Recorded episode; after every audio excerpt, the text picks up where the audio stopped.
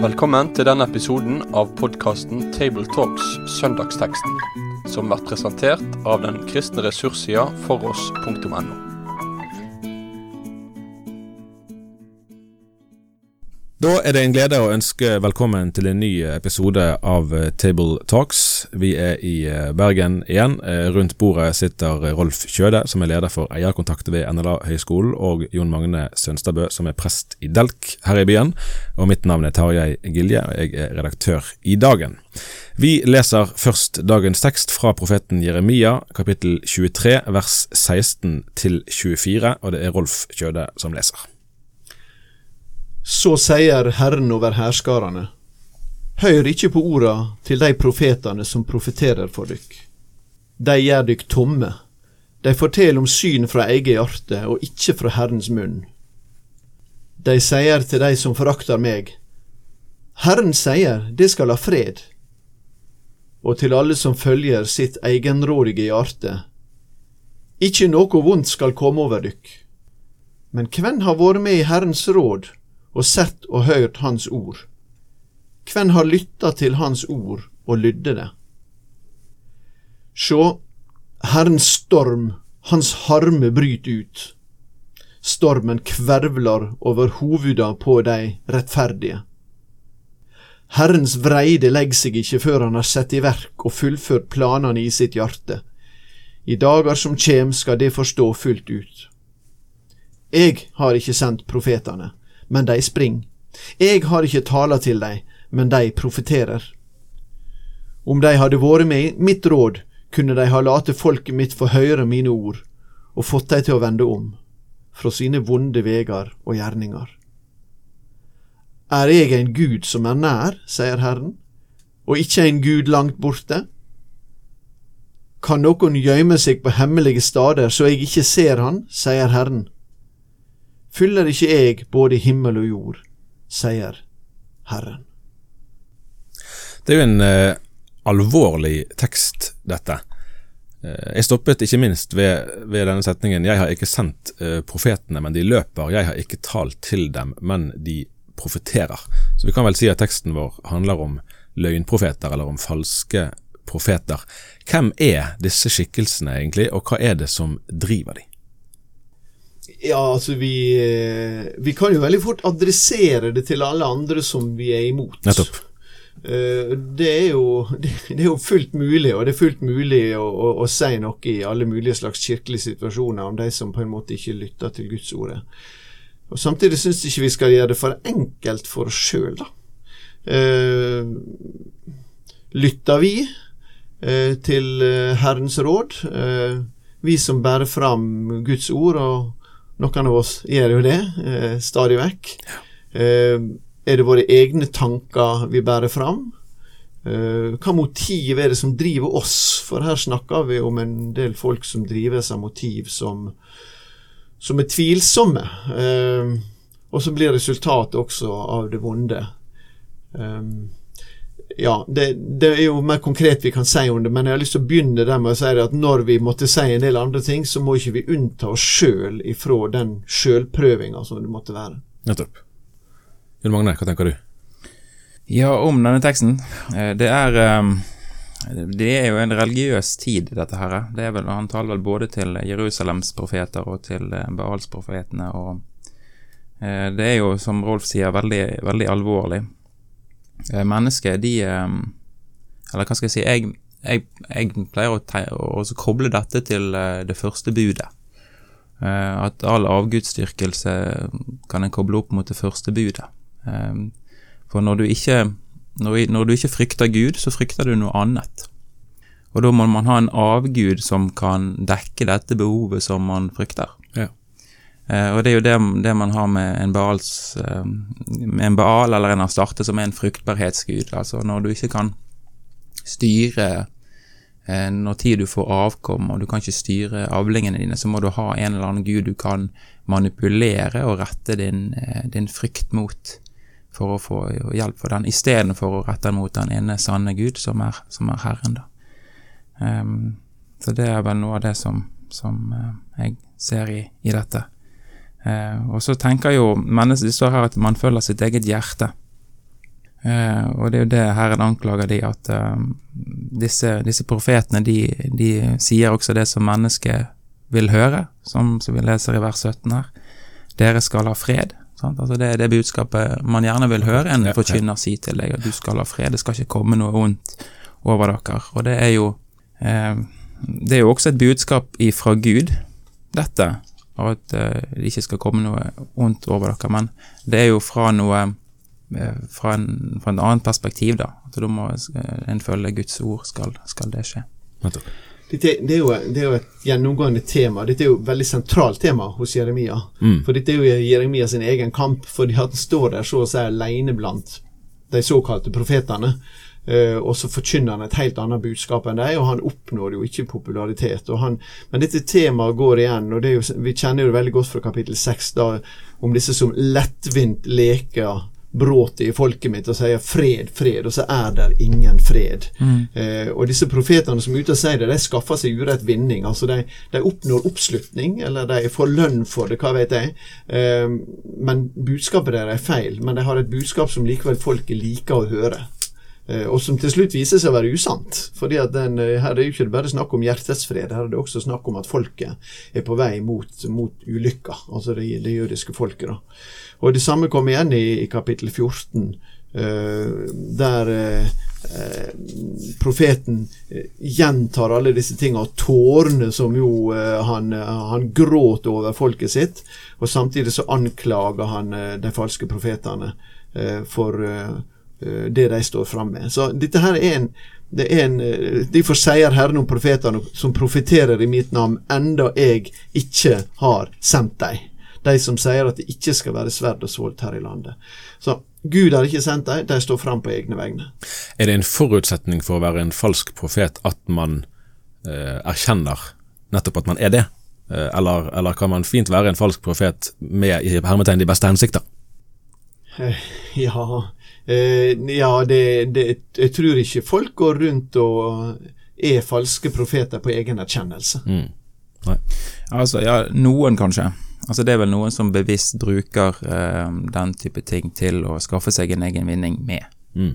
Eh, men det, det er jo dette her med, med, løgn. sant? At hvis du har en, gjentar en løgn lenge, eller lenge nok for deg sjøl, så blir det til slutt en sannhet.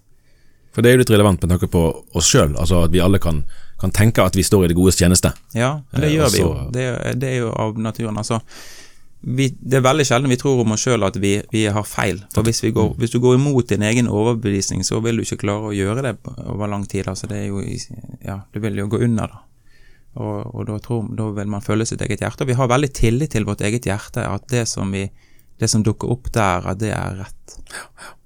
For det er veldig tverre for, som du sa, Rolf, innledningsvis, at vi kan dette kan være en, en bekvem tekst eh, å lese og tenke at ja, der får de sitt pass påskrevet, de som tilhører en annen leir eller annen, et annet samfunn eller hva det måtte være, enn det jeg sjøl tilhører. Men der skal vi være varsomme med å i hvert fall ensidig rette skytset bort fra oss sjøl. Det tror jeg du er helt rett i.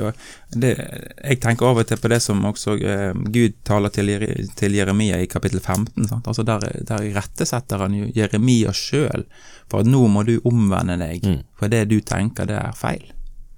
Altså du må vende om fra de, de stiene du går på. sant?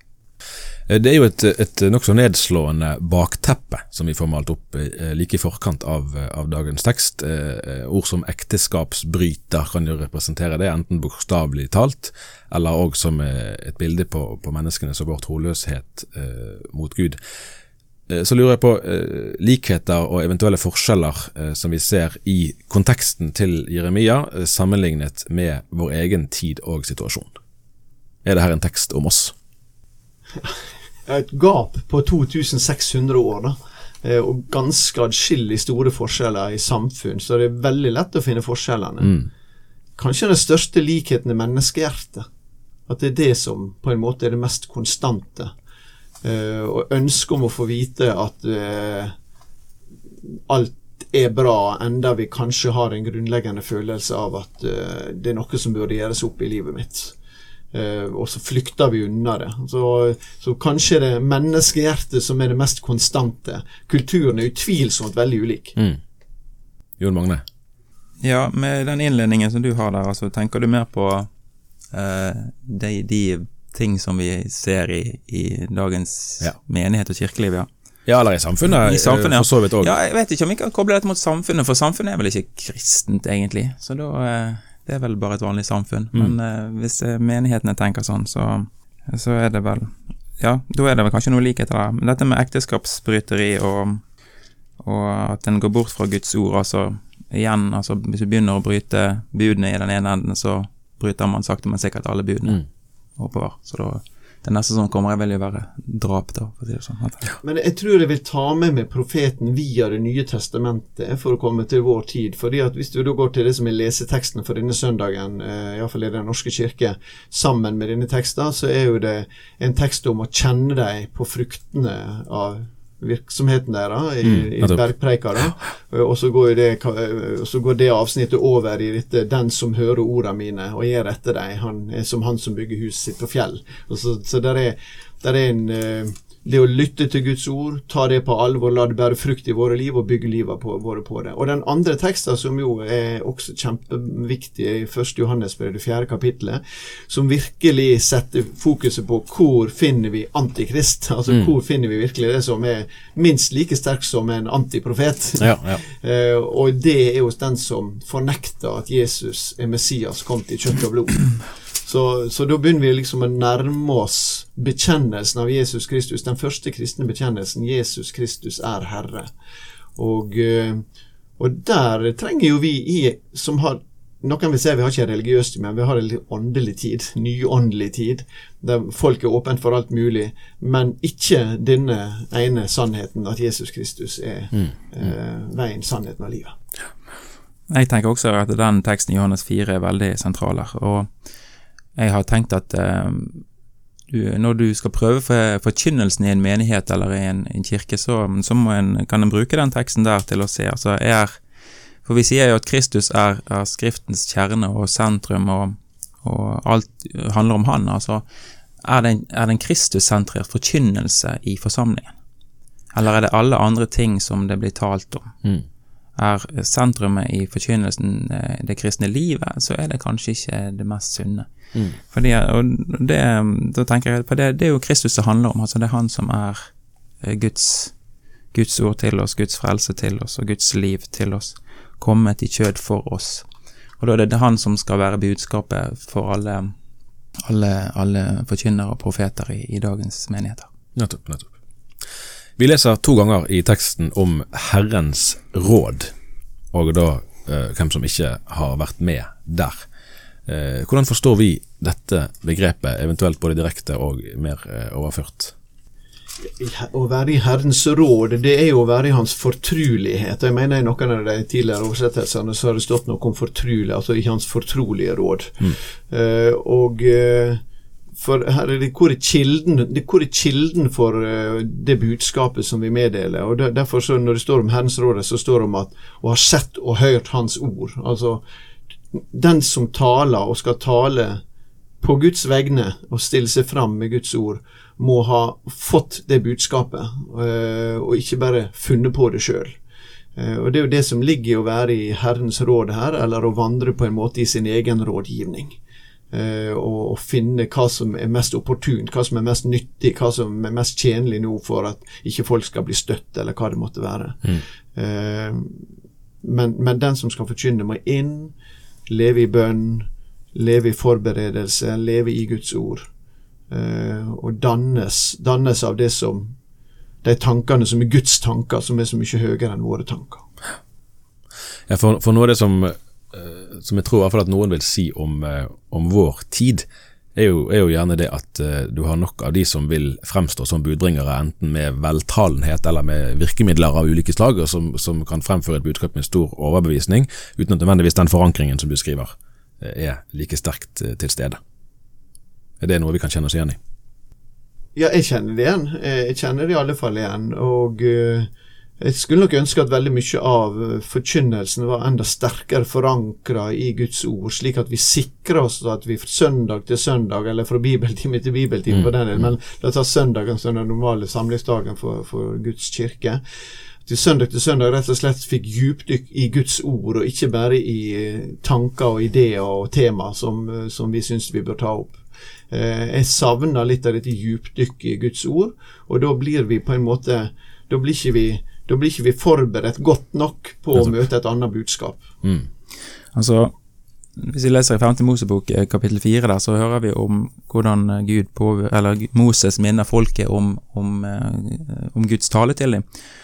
Og da, da, da forteller Moses om når, når de fikk eh, de ti bud på Sinafjellet, om hvordan hele dette fjellet blir inndekket i, i røyk og ild. Og menneskene, de, eh, de, ser ikke Gud, og det kommer en veldig frykt over dem av det de ser. sant?